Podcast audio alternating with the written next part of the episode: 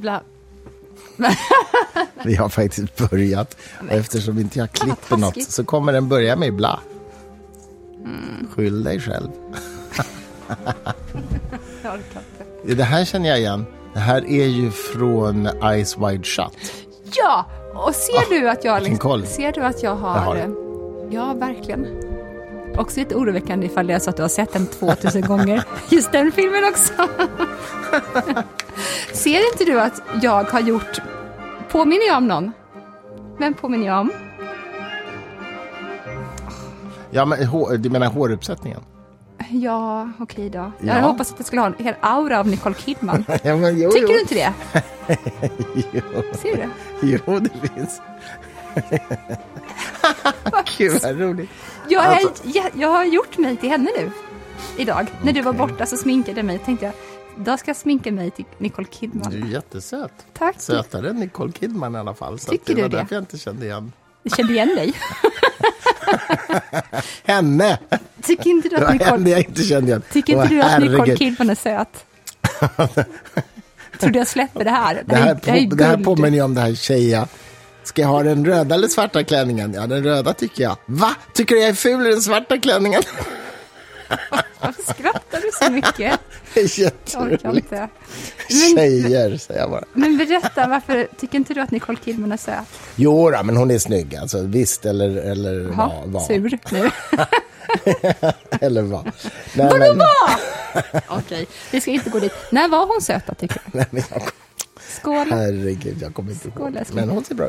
Ja, vad är mitt, vad är mitt, champa vad är Var mitt det, champagne? var, var det vitt champagne? Herro, herregud. Jag Skål. minns ju Nicole Kidman från att jag, jag fick se Bangkok Hilton när jag var liten. Förmodligen alldeles för tidigt fick jag se det också. Och hon Mm. Ja, var var instängd ruggig. i något sånt där thailändskt Nej, fängelse. usch, fan, var hon med i den? kommer inte jag ihåg. det var det som var hennes internationella genombrott tror jag. Herregud, innan okej. hon blev ihop med mäster-scientologen. Långt innan. Tompa. Tompa, precis. Exakt. Ja, scientolog, ja just det. Herregud. Ja, tänk att de finns Man får fortfarande. ändå ge, jag ska stänga av ljudet, Isabella igen. Alltid denna Isabella. Var det hon som smsade? Ja. Vad heter Ja, det det? ingen aning. Jaha, nu kom det. Fick jag Ja, sms också. också? Hon är som vår, vad heter det? Han? Ja, det var ju från Isabella också. Ja, men det är klart, det var ju vår chatt. Ursäkta, jag kommer att hosta i den här Jag också. podden. för Grattis till er, vi är båda assjuka. Vi, vi är inte jättefriska. Isabella är som Newman i Seinfeld. Du kanske inte är någon eh, Seinfeld-tittare, det är inte du älskling. Du har inte sett Nej, det så jag mycket. vet inte knappt vad det är. Alltså, Newman är den här grannen så fort som Jerry blir sur på något eller han förstår att det är någon skit på gång, då säger han alltid Newman.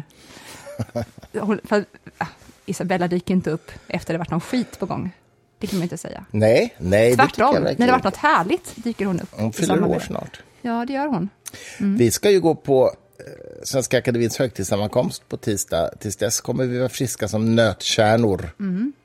Ehm, så är det Åh, faktiskt. Gud, Men vi är lite, lite förkylda nu. De är ju så. Lyckligtvis inte covid, för det har vi testat. Men, Mm. men, eh, men eh, ja, det går över. Jag vill återvända lite till Ice Wide Shut. Eh, det är ju en film som vi säkert har pratat om tidigare i podden eftersom jag är då besatt av Stanley Kubrick. Men eh, Ice Wide Shut är ju faktiskt kanske min absoluta favoritjulfilm.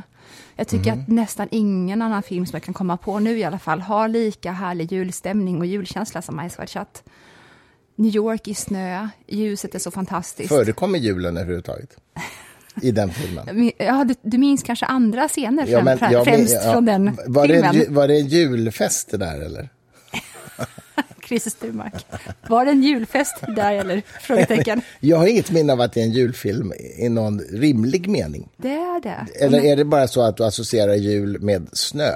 Du bara, eller med sex. Nej, men, ja, men, men, i- men det, snö och vinter var det väl i New York i alla fall? Ja, kanske. precis. Och det är... Men det finns ju andra dagar än jul eh, som det är snö. tack, tack för att du berättar för mig om livet I och vissa världen. delar av världen är det snö jämt. Du, som ni märker behövde Christer börja med, på en väldigt basal nivå med mig när vi träffades. Det här är en årstid. Det här är snö. Ja, Just det. Det här är färgen vit. Ja, mm, Ja, det är en julfilm faktiskt. okej. Eh, och vad som jag tror är inkörsporten eh, för Ice Wide Shut, det är att jag sa till dig att jag ville prata om Fanny Alexander med dig. Just det. Eller jag vill att vi gör det tillsammans, så gott det går i alla Det fall. förknippar jag med julen, Fanny och Alexander. Ja, precis. Och ehm, vad både Ice Wide Shut och Fanny Alexander har gemensamt mer än eh, jul, så är det verkligen äktenskapet som står i centrum i båda filmerna. Eh, ska jag stänga av den här nu? Ja, du kan... Vad har du, om jag börjar med dig då, vad har du för relation till Fanny Alexander? Ja, nej, men jag har nog... eh, Jag blir bara så nervös nu. Varför, så där brukar det aldrig se ut när vi spelar in annars. Rullar det verkligen? Oj, vänta. SD-card. Det är... eh, ja, vi har spelat in hela tiden, men det var... Ja, jag är jättenervös nu. Det var en inställningsgrej där. Du har onekligen rätt i det. då- Jag tror i alla fall att vi har spelat in hela tiden. Jag så tror att också det. Vi Låt oss anta det. Ja. Eh, Vad är min vad- relation Vad till har Fanny du och för Alexander? relation till den filmen? Nej, men jag förknippar Fanny Alexander med jul. Dels för att det de facto utspelar sig i jul när de julpyntar det här fantastiska huset. Men också att jag har sett den på jularna ofta. Mm. Den har ju visats. Och visas väl även nu i år tror jag, någon gång under julhelgen. Så att det är ju en sån film man ser på julen. Jo, men det får man nog säga. Nästan i klass med Kalle Anka. Alltså, Jag tycker de borde sätta dit Fanny Alexander klockan 15 istället varje Mm, jul. Den långa, vad heter det, Diabetes Cut-versionen också. Som pågår i typ tre och en halv timme. Jag har sett Fanny Alexander på en ganska roligt tillfälle på den lilla, lilla biografen i Fårösund, vid Fårö, under Bergmanveckan. Och, och eh, innan, fyra timmars versionen tror jag det var. Och innan filmen Mm. började så klev upp på scenen framför bioduken så klev Kenneth Branagh upp och berättade om hur mycket Ingmar Bergman har betytt för honom som filmskapare. Han var där på Bergmanveckan nämligen, Kenneth Branagh. Och det Ja, jag minns det när han gjorde, var det Trollflöjten eller Figaros bröllop? Det var Ja, Trollflöjten var det, för att Bergman har ju också gjort Trollflöjten. Ja, precis. Mm. Ja, precis. Det var- låter rimligt. Ja, men det var roligt. Och då, då såg... Då, just det. Nej, men så då såg jag den. Det är nog senast jag såg den. Det är några år sedan. Nej, jag har nog sett den efter det. Visst finns det en två timmars version och en fyra timmars version? Ja, det gör det. Eh, precis. Min hjärna spårar åt så många olika håll nu, bland annat Bergmans skatteflykt. Eller det var ju inte så att han flydde undan skatten, han blev bara extremt kränkt av att behöva redovisa sina dek- deklarationer för att han var då misstänkt för skattefusk och sen så var det inte så. Men det var nog i alla fall för att han skulle lämna Sverige för München istället. Mm, han blev väl rentfådd, tror jag. Rent Han blev skattemässigt. och det gjorde väl då att han så småningom åkte tillbaka till, inte Sverige, men Gotland. Mm, till, ja, till Fårö. Ja, precis. Eh, Jag måste bara få göra en liten, liten parentes Mm. också om Kenneth Branagh. Du vet att han var otrogen mot Emma Thompson med Helena Boham Carter. Ja, jag har hört någonting om det. Jag, jag är inte så jätteinsatt i alla otrohetsaffärer i filmvärlden. Nej, men tur att, du har med, tur att du har mig Men då. du har berättat för mig om detta, så därför så har, mm, har jag hört det. Så att då skilde sig Emma Thompson och Kenneth Branagh från varandra. Eh, varpå då Helena Boham Carter dumpar Kenneth. Mm. Varpå då Kenneth lyckas otroligt nog hitta en exakt kopia utseendemässigt av Helena Boham Carter. Som han är gift med än till denna dag. Hennes tvillingsyster? Eller Ja, vad? men ungefär det ser ut så. Och eh, jag har ju en liten tes om att alla människor eh, sitter utseendemässigt på olika utseendeträd. Och då kan man ju då se att Emma Thompson och Helena Boham Carter-trädet, det är sannerligen inte alls samma träd utseendemässigt. Så att ifall det är så att Kenneth Branagh då är helt besatt av ett eh, Boham Carter-träd så undrar man ju vad gjorde han med Emma från början. Låt oss gå tillbaka till ett mer seriöst samtal. Nej, men jag vill veta mer om, om eh, Fanny Alexander. Ja, det är det jag tänkte. Först och främst, vad ville du bör, börja med att berätta vad du ville berätta om Fanny Alexander. Jag skulle vilja eh, tänka högt tillsammans med dig om den här relationen som gestaltas, eller som står i centrum av Fanny Alexander, vilket är då Eva Frölings relation, Frö, heter hon Fröling eller Fröding? Fröling. Fröling, okej vad bra. Fröding, Gustav Fröding, vars hjärna ligger på Hagström i biblioteket. I en, I, i en, ännu inte Evas. I en burk formalin. Nej, Kul om de la dit hennes eh, men den- han ligger där. Ja. Ja, och då är det så att Bredvid Gustav Retzius hjärna. Ja, Och, fortsätt. och återigen inte Evas gärna. Nej. Eh, ingenting av eh, handlingen i Fanny och Alexander hade ju satts igång om det inte hade varit för det att eh, det, Fanny och Alexanders mamma går och kär ner sig i den här prästen, Som spelas av... Jan eh, Malmsjö. Eh, Han är väl en otäck jävel? Ja, men det är det här som jag tycker att Bergman ringar in så otroligt eh, finurligt. Och det är att vi får se hur Eva Frölings relation till Allan Edwall eh, ser ut tillräckligt länge för att förstå vad Eva i rollen som Fanny Alexanders mamma, vad hon behöver för någonting. Mm. Jag ska försöka tajta upp det här resonemanget lite grann. Så här mm. är det. Allan Edwall står för en nästan fadersarketyp i relationen till sin hustru. Man märker det hur han är extremt omsorgstagande, men han är också väldigt, väldigt långsam. Mm. Han är en eh, introspektiv person som inte är eh, proaktiv. Han är inte mm. så företagsam. Han är en grubblare. Hela han utstrålar helt ärligt talat en depressiv läggning. Eh, man förstår att de har inget passionerat förhållande, mm. men han är en väldigt trygghet för henne. Och eh, det finns inte en gång som han, de kysser varandra på munnen, utan han klappar henne över huvudet ibland och sådana saker. Mm, mm. På sånt där, jag tar hand om dig-sätt. Vad hans värld däremot erbjuder henne, det är att hon får bo i den här fantastiskt vackra våningen. Och eh, det finns en rolig, knasig familj där alla är spännande och roliga. Det finns gott om allt i den här världen. Och gott om mat och gott om eh, vackra möbler. Det är gott om allt. Mm. Så ingen passion, men mm. gott om allt. Mm. Kontrasten kommer... Materiellt överflöd, men utan passion. Precis. Vad väljer en sån kvinna då, när hon har levt i den sortens värld mm. så pass länge? Motsatsen. Vad är det då? Någon som lever extremt påvert, men som är passionerad. Precis. Mm. Det hon går till istället, det är den tillbakahållna pastorn, mm. som har kala väggar i sitt jättekalla hus. Mm. Och det finns inga excesser överhuvudtaget. Mm. Eh, det är nästan att förhäva sig mot Gud att be om mer mat mm. där.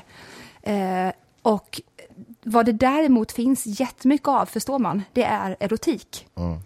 På det sättet som hon byter kroppsspråk när hon blir tillsammans med den här pastorn, det är, alltså, det är som att hon spelar två helt skilda roller i filmen och hon gör det väldigt, väldigt bra. Hon klänger på honom hon, Edvard heter han, hon, han liksom, hon ligger i hans knä och när han ska resa sig upp så håller hon om hans höfter och man ser att hon bara, mm. hon vill bara suga hela honom till sig. Mm. Han kysser henne passionerat på munnen. Tyvärr är ju han då också Satan själv. Mm.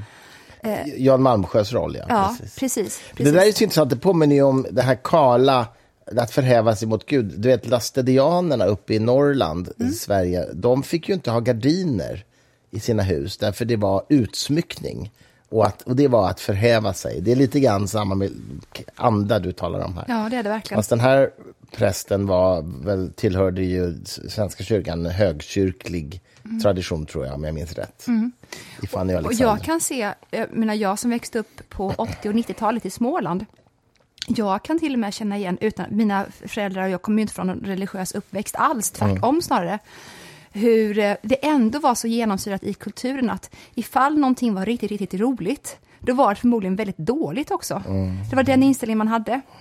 Medan ifall någonting var väldigt tråkigt, då var det säkert bra för en. Och det är alltså en ring på vattnet från mm. den här, tror jag, kristna tankegången om eh, att det strävsamma var det som eh, tällde fram ens karaktär och som gjorde en också renare inför Gud. Mm man var väldigt misstänksam mot det härliga. Gud vad intressant alltså. Jag kommer ihåg Eskil Frank som ju har skrivit en jättefin memoar om sin uppväxt i ett prästhem berättade att han fick inte gå och titta på fotboll mm. på söndagarna för det var liksom, det fick man inte göra på en söndag, att gå och titta på fotbollsmatch. Men hans pappa kunde titta på fotboll på tv. Mm. Och det där ifrågasatte han och fick aldrig något bra... Hans pappa var alltså präst mm. också. Han blev ju själv präst sen, men lämnade det sen. Hans pappa kunde aldrig ge något intellektuellt hållbart svar på varför det ena var okej och inte det andra. Och det, han, han, skriver om det i sina memoarer, att där någonstans började han liksom tvivla på att det fanns en sammanhängande, hållbar grundinställning mm. i de här frågorna. Jag förstår. Och då började om, hans tro krackelera. Jag. Om jag får göra en eh, liten utvikning på din utvikning, mm. så har jag tänkt en del på det vi pratade om under förra podden, eh, om hur vissa samtalskategorier är djupare än andra. Och med djupare menar jag att vissa samtal skapar djupare band än andra samtalsämnen. Mm. Och jag har börjat verkligen ifrågasätta ifall det stämmer. Det är ju såklart en teori som kanske inte är jätte ögonbrynshöjande. Mm. Men jag tror att väldigt många människor som inte har en... Eh, du och jag är ganska verbala. Eh, och både du och jag är språk och ordmänniskor. Men mm. det finns ju så många relationer som faktiskt vilar på ett tyst samförstånd. Mm. Eh, och där det som sägs inte alls är det viktiga. Och eh, det är då någonting som talar emot min tes som jag framförde i förra poddavsnittet, där jag då sa eh, ganska grovt då, att eh, kvinnor har enklast för relationer för att vi har lättast för att prata om sånt som är mer relationsknytande eller anknytande. Mm, mm. Så att jag, jag, ehm, jag, jag men, tror inte på mig själv längre riktigt där. Men du sa väl inte att kvinnor har lättast för relationer, utan du sa väl att kvinnor är mer intresserade av relationer, eller? Ja, men är, vad är det för jättestor skillnad då? Men menar du, vad menar du med lättast relationer? Att kvinnor har lättare att klara, klara av att vara i relationer? I, nu när jag uttryckte mig så här slarvigt och svepande och parafraserade mig själv så menade jag att vi har lättare för att skapa djupare relationer än män, eller skapa relationer överlag. Okej. Okay. Mm. Mer socialt, det var det, jag, det var det jag ungefär sa i förra poddavsnittet, ah, okay. som jag mm. nu själv ifrågasatte. Ja, jag fattar. Jag fattar. Mm. Mm. Ja. Det är möjligt. Men, va, men vi pratade om det innan vi började podda här. Vad är liksom... Va, varför är du, vad är det som fångar dig med Fanny och Alexander? Varför är du intresserad av det överhuvudtaget, så att säga? Tack. Um, Metaperspektivet. Jag, eh, jag... Det första som dyker upp för mig när jag tänker på Fanny och Alexander, det är att Bergman gör det här trolleritricket även med mig varje gång jag ser filmen. Mm.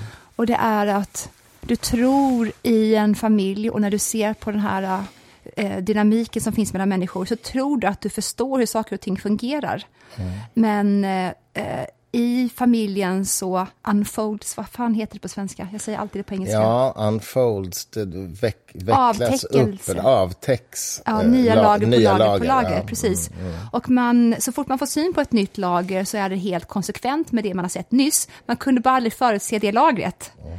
Och när du tror att du börjar få grepp om vad det här är för sorts film och hur det kommer gå, då gör han det största trolleritricket av alla. Och det är att när barnen då verkligen ska bli hjälpta bort från den här hemska biskopen, då så eh, tar ju eh, vad heter det, Erland Josefsson, som spelar en judisk man, som är då väldigt rik, eh, han kidnappar barnen från biskopens hus. Mm. Och eh, han gör det för, på ett sånt sätt att han säger, jag vill köpa den här kistan av dig. Och han dyker upp där, den här juden med Jarl Kulle. Och eh, då så låtsas de betala pengar för den här kistan, en jättestor kista de ska köpa av biskopen.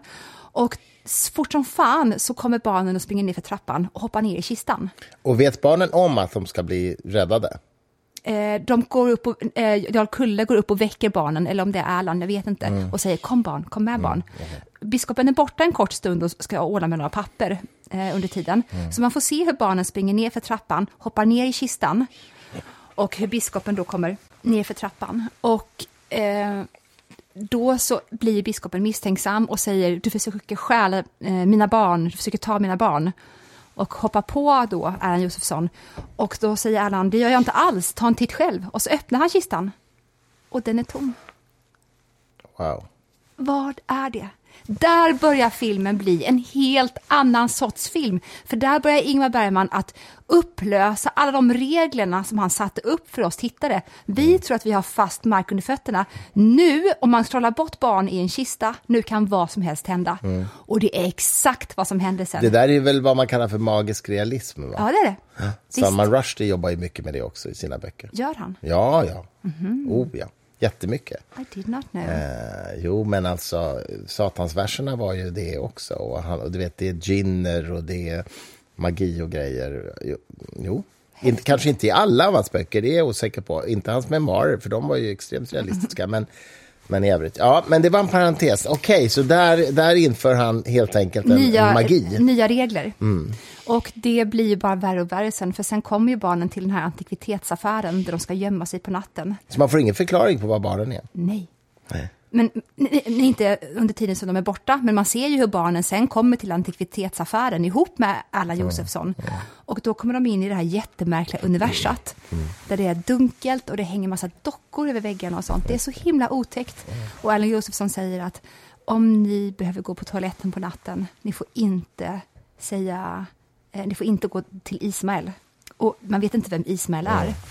Mm. Och sen på natten, såklart då, som i alla sagor, för nu blir det ju en saga, verkligen, mm. så gör ju då Alexander det han inte får göra. Och han uppsöker den här platsen han inte får gå till och märker att det är en stor, stor bur. Det är stängsel runt en varelse i mitten. En androgyn varelse kliver fram mot honom utan ögonbryn. Och det är Stina Ekblad. Ja, precis. Och hon då tar ju då Alexanders händer runt det här gallret. Och så har hon den här fantastiska monologen där hon säger Kanske finns det inga gränser. Kanske flödar vi ut och in ur varandra.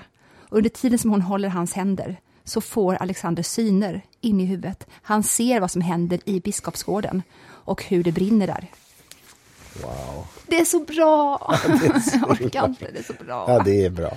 Lars von Ska vi se om den där med, med, med Leo Ja, kanske jättegärna. i, i helgen? Lars von? Lars von Ja. Trier, som ju då var så besviken över att Ingmar Bergman aldrig tog hans ut, utsträckta hand, för han skickade ju massa brev om Trier. Han kallade ju Fanny Alexander för eh, Carl Larsson-porr. Han tycker att den är, än idag står han på sig och säger att den är värdelös. Men jag tror att han också, förutom att då vara ledsen över den uteblivna kontakten, är besviken över att han inte experimenterade mer med form, Ingmar Bergman. För att eh, formen är ju extremt traditionell, även ifall innehållet överraskar oss och öppnar luckor under fötterna, så är formen och dramaturgin väldigt, väldigt traditionsbunden. Men det här är ändå inte riktigt svaret på frågan, på metafrågan, varför du intresserar dig för detta. Nej, det är det faktiskt inte. Så, så lätt kommer du inte undan. Jag tror att jag känner igen mig mycket i Alexander och att jag eh, ända sedan jag var liten såg världen så som jag uppfattar att han ser den i filmen. Hur han är den här känsliga varelsen som är hypersensitiv och tar in allt. För Alexander gör ju verkligen det, han tar in allt, han tar in alla hela tiden. Och eh, dessutom så är det den klassiska musiken och sen så av någon anledning som jag inte vet så är jag ju besatt utav sekelskiftet. Ja, men jag, jag kan tänka mig, så som jag känner dig, att du har ju... Du har ju kanske mer än genomsnittet pågående mentala processer hela tiden, vilket ju bland annat gör att du inte hittar hem från mataffären och såna saker efter flera år. Eh, därför att du är, det pågår någonting annat i din skalle hela tiden. Och det är ju någon slags bearbetning utav både intryck och tankar, eller hur? Ja. som du processar, tror jag i alla fall, mycket mer än vad jag gör. Liksom. Jag kan ju så att säga bestämma mig för att göra det i vissa situationer, men, men, men i normalfallet, när jag ska köra till mataffären, så gör jag inte det. Liksom. Men det tror jag du gör. Och det är därför du kör fel. Ja, eller letar efter saker som inte finns. Och så. Precis, som du gjorde häromdagen. Två Ja. väskor som du trodde att du hade fått hit hem och som du aldrig har fått hit hem. Ja, Och du i letade timmar. ju timmar, ja precis, efter de där. Och sen så var du och handlade på Ica häromdagen en hel matpåse som sen är spårlöst försvunnen, likt barnen i den där kistan. Och vi vet fortfarande inte vad den där är. Därför jag minns, jag vill minnas att du ställde in båda de väskorna i bagageluckan på bilen tillsammans med mina två ved Ja, nu minns jag också säckar. det. Ja. Så att så långt var de med, vilket innebär att de också var med till garaget. Mm. Och eh, rimligen togs ur garaget eftersom vi tog ut de där grejerna samtidigt. Jag tog ved- vedsäckarna och du tog maten. Mm. Så jag tror att den kom in i det här huset någonstans. Jag tror att du har ställt den där matpåsen någonstans här i huset på ett ställe som var, är okonventionellt om vi uttrycker oss så. Ja, jag och troligtvis är det nog inte mycket kvar där nu. Det är Åtminstone- kaffe i alla fall, för jag Ja, köpte det ju kan vi kaffe spara. för flera hundra. Färskvarorna är väl körda, det är men fett alltså, frågan är var de, var de står. Liksom. Jag vet. Men du, en, nu Ja, men vi, det är för nu, att det pågår grejer i din skalle. Ja. Nu behöver vi inte trötta lyssnarna med våra hushållsbestyr här. men, men det kom upp därför att, det, för att du är... För, förr i tiden skulle man bara kalla det tankspridd. Mm. Men det är lite mer än så. Det är mer än tankspridd. Det är för att du är helt, du är helt upptagen. du bara, det är för att du är helt borta.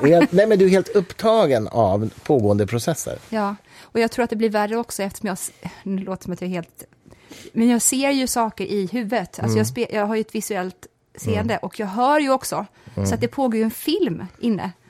Och det gör det nog värre än ifall Mm. jo. man inte hade sett Yes. eller hört det. Jag tänkte idag när jag funderade på, när jag som vanligt tänkte på dig. Hallå. Jag satt, Skärp dig nu. jo, då kom... Skål. Då, Varför är min champagne nästan slut? Det är jättekonstigt. åh nej, bara att du stänkte den på elden. Ja, det måste ha varit det. Skål. Synd alltså. Du får ta lite av mig. Mhm. Jo, men vet du vad jag tänkte om dig idag? Nej. att det här är... eh, ett exempel på hur du är en, eh, den mest, en människa med de största paradoxerna som jag någonsin har träffat. Eh, vilket förmodligen också gör dig till så spännande. Och det är att du har ju det sämsta tålamodet i världen. Mm. Det kan man säga. Men du har också det bästa tålamodet i världen. Alltså, med mig och med Leo, din son. Mm. Du har sånt tålamod med oss. Det är det sjukaste vad du har tålamod med oss. Du är bara inte... lugn och kärleksfull hela, hela tiden. Men jag har inte tålamod med typ folk i affären Nej, och sådär. då blir du galen. Eller ifall någon inte sköter sitt jobb, eller ifall ja.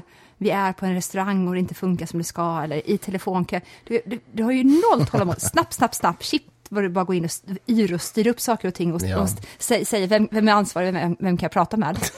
Men alltså, i det här huset mot mig och Leo, du bara, okej, okay. ja, helt lugn. Det är, på, det är helt olika dimensioner. Ja. Eller när skolan inte sköter sin kommunikation med oss föräldrar, det blir jag galen på.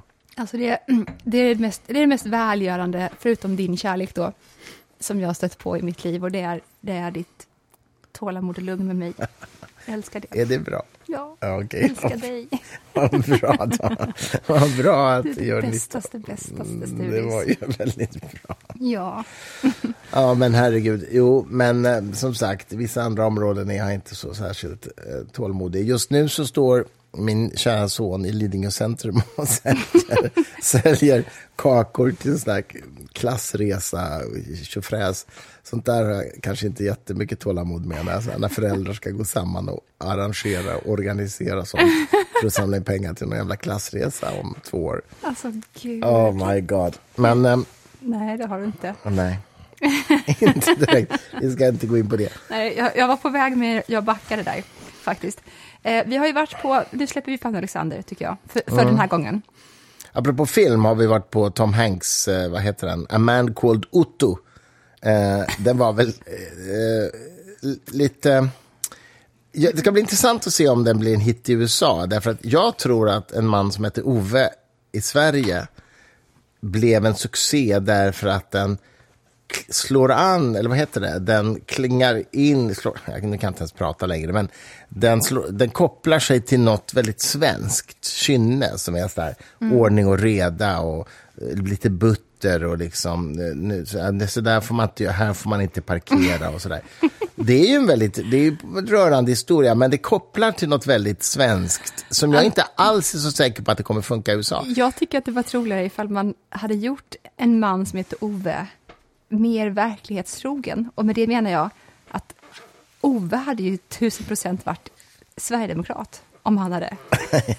ja. Eller motsvarigheten då i USA, så hade han varit Trump-anhängare. Mm. Så att det hade varit mycket roligare och djärvare om Tom Hanks hade spelat någon med sydstatsflaggan som hängde ute i huset. Istället. Det skulle aldrig funka. Och som var en del, ja. och att han trodde på Pizzagate. Vore inte det kul? Fast det skulle ju aldrig funka, därför att i Sverige skulle man aldrig kunna få sympati för den personen. Nej, exakt och, och så. i USA skulle ju halva landet få jättemycket sympati och halva inte. Ja. Så det de ju inser ja. Nu tycker jag du är lite orättvis mot republikanerna. Det är inte alla republikaner som är pro en sydstatsflagga kanske. Det finns ju vettiga well, republikaner, ja, men det är ett framförallt på kusterna. Ja, ja det är det verkligen. Mm. Men det hade varit, tänk dig hur alla sitter där och tror att nu ska vi se en cozy film, man tar med sina gamla föräldrar juldagen. Och så är det så här, typ han är helblodsrasist och är med i så judiska konspirationsteorier och sånt. Men det var ändå lite kul, får man väl ändå erkänna trots allt, att se Tom Hanks live. Han kom ju faktiskt till den här galapremiären i Stockholm. Ja. Eh, eftersom det är en svensk eh, upphovsman till manuset. Så, så, så Vi såg honom på riktigt. Vi det är ändå kul, man har ju sett honom i ett gäng filmer. Jag vill att han ska fast jag blir också frustrerad när jag ser någon som jag beundrar så mycket för att jag vill att han ska förstå att jag är inte vem som helst i den här publiken, Tom Hanks. Det vill jag säga. Mr Tom Hanks, jag är någon som har sett Rädda mig Ryan fler gånger än vad som borde vara... Än vad han har gjort, antagligen. ja, det tror jag faktiskt. Ja, mm. jag vill att han ska förstå att vi har ett speciellt band, han och jag, framför alla andra inne. Alla andra svenska fån som ja. bara associerar honom till Tom Hanks. Nej, jag, förlåt, till Forrest Gump menar jag. Jag vill understryka att det är ju kanske inte i första hand för att Tom Hanks är någon slags guru för dig, utan för att du är intresserad av dramaturgi, filmdramaturgi. Nej, det är bara Tom Hanks. Okej. Det var skoja, det är klart att det är. Ja, ja, men det kanske vi Ryan. ska berätta för lyssnarna, för annars låter det jävligt nördigt. Så här, Alltså, jag att kan- Tom Hanks, världens Jag- största skådespelare. Jag älskar ju Steven. Spielberg också. Jag kan, jag kan liksom ta så många cheesy saker som han gör. Jag, jag, jag förbiser allt när det är så bra som i Rädda Menig Ryan. Visste ni förresten, ni som lyssnar, ni få som är kvar, att, att när eh, Spielberg började då det här otroligt krävande arbetet med att eh, schemalägga och kompositionsmässigt bygga upp inledningsscenen i Rädda Menig Ryan, då använde han sig faktiskt av Robert Kappas eh, krigsfoton från landstigningen av Normandie. Kappa som har också varit med i den här podden tidigare, då vi berättade, eller jag, att när Kappa då riskerar sitt liv för att vara med under landstigningen, då har han med sin assistent som ska då framkalla de här bilderna sen också. Och den här assistenten bränner två tredjedelar av bilderna i framkallningsrummet med sån här nybörjarfel. Åh, herregud. Så att när då Kappa har riskerat sitt liv så finns det bara fyra, fem bilder kvar. Nej, vad hemskt. Tänk dig att gå ut till Robert Kappa och säga, du det hände en grej. Det hade inte varit så kul, där hade du blivit arg. Det kan man nog lugnt säga.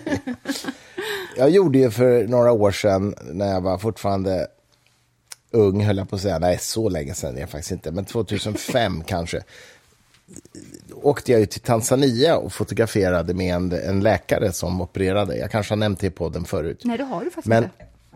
Nej, men alltså det var en, en plastikkirurg som jobbade för Flying Doctors i Tanzania och opererade Eh, du vet, du vet i, i ett land som Tanzania så är det ju så att människor som föds harmynta till exempel, de hinner ofta bli vuxna innan de får opereras. I Sverige opererar man ju ett sånt barn kanske i ettårsåldern. Men där hinner de ju bli vuxna, in, vilket innebär att de har liksom ett stort hål i ansiktet i princip. Och att, att pussla ihop det där är, är ju sen alltså ett, ett, ett ganska avancerat jobb för en plastikkirurg. Och det är ju verkligen inte skönhetsoperationer så som vi tänker på det i Sverige, utan det är ju liksom operationer som förändrar en människas utseende från att se fullständigt vanställd ut till att se relativt normal ut. Så det är ju otroliga insatser de gör. Och jag var med den här läkaren i tio dagar, tror jag det var, eller två veckor och fotograferade på, på sjukhuset, operationer och allting. Väldigt speciellt. Men i alla fall, då flög jag med en, eller då reste jag tillsammans med en eh, krigsfotograf som hette Jörgen Hildebrandt som har varit runt om i, i många krigszoner och fotat. Och det var faktiskt oerhört lärorikt och spännande. Dels lärde han mig en del att fotografera rent tekniskt, men sen också fick jag ju förstås höra jättemycket om hur, hur det var att jobba under sån oerhörd stress och under sån, sån riskexponering som, som, som, man, som man gör. Han, reste ju, han var gift tidigare med Johanne Hildebrandt på den tiden hon jobbade som eh, krigsjournalist. Så att de reste ju tillsammans och fotade och skrev. Eh, bland annat på, under Balkankriget på 90-talet. Just det. Ja, nej, det var bara, jag associerade till det nu Får när vi jag, pratade får jag om återvända en kort detta. stund till Fanny Alexander, för att jag kom på Ja. en sak faktiskt. Ehm, vad man ändå skulle, om man nu skulle vilja dra det så långt att kalla Ingmar Bergman för feminist, inte för att jag tycker att någon ska behöva kalla sig för det, eller att det är automatiskt... Kanske inte just han, men... Eller, i alla fall. Då kan man ju också eh, tolka hela Fanny Alexander som ett drama kring en kvin- kvinnas frigörelse. Därför att när eh, Eva Fröling då har levt det här passiva, ytterst bekväma och oerotiska livet med Allan Edwall, då är det lätt så att man som kvinna eller man längtar efter någonting kärnfullt. För jag tror att, håller inte du med om det? Är det någonting som alla människor ändå längtar efter djupt där inne, så är det någonting som är på riktigt. ja, ja, Något visst. kärnfullt. Man vill koka ner verkligheten, eller samtalsämnena, eller ens riktning och ens mål till vad är det som faktiskt finns här? Vad är det äkta i detta? Det sanna, om du så vill.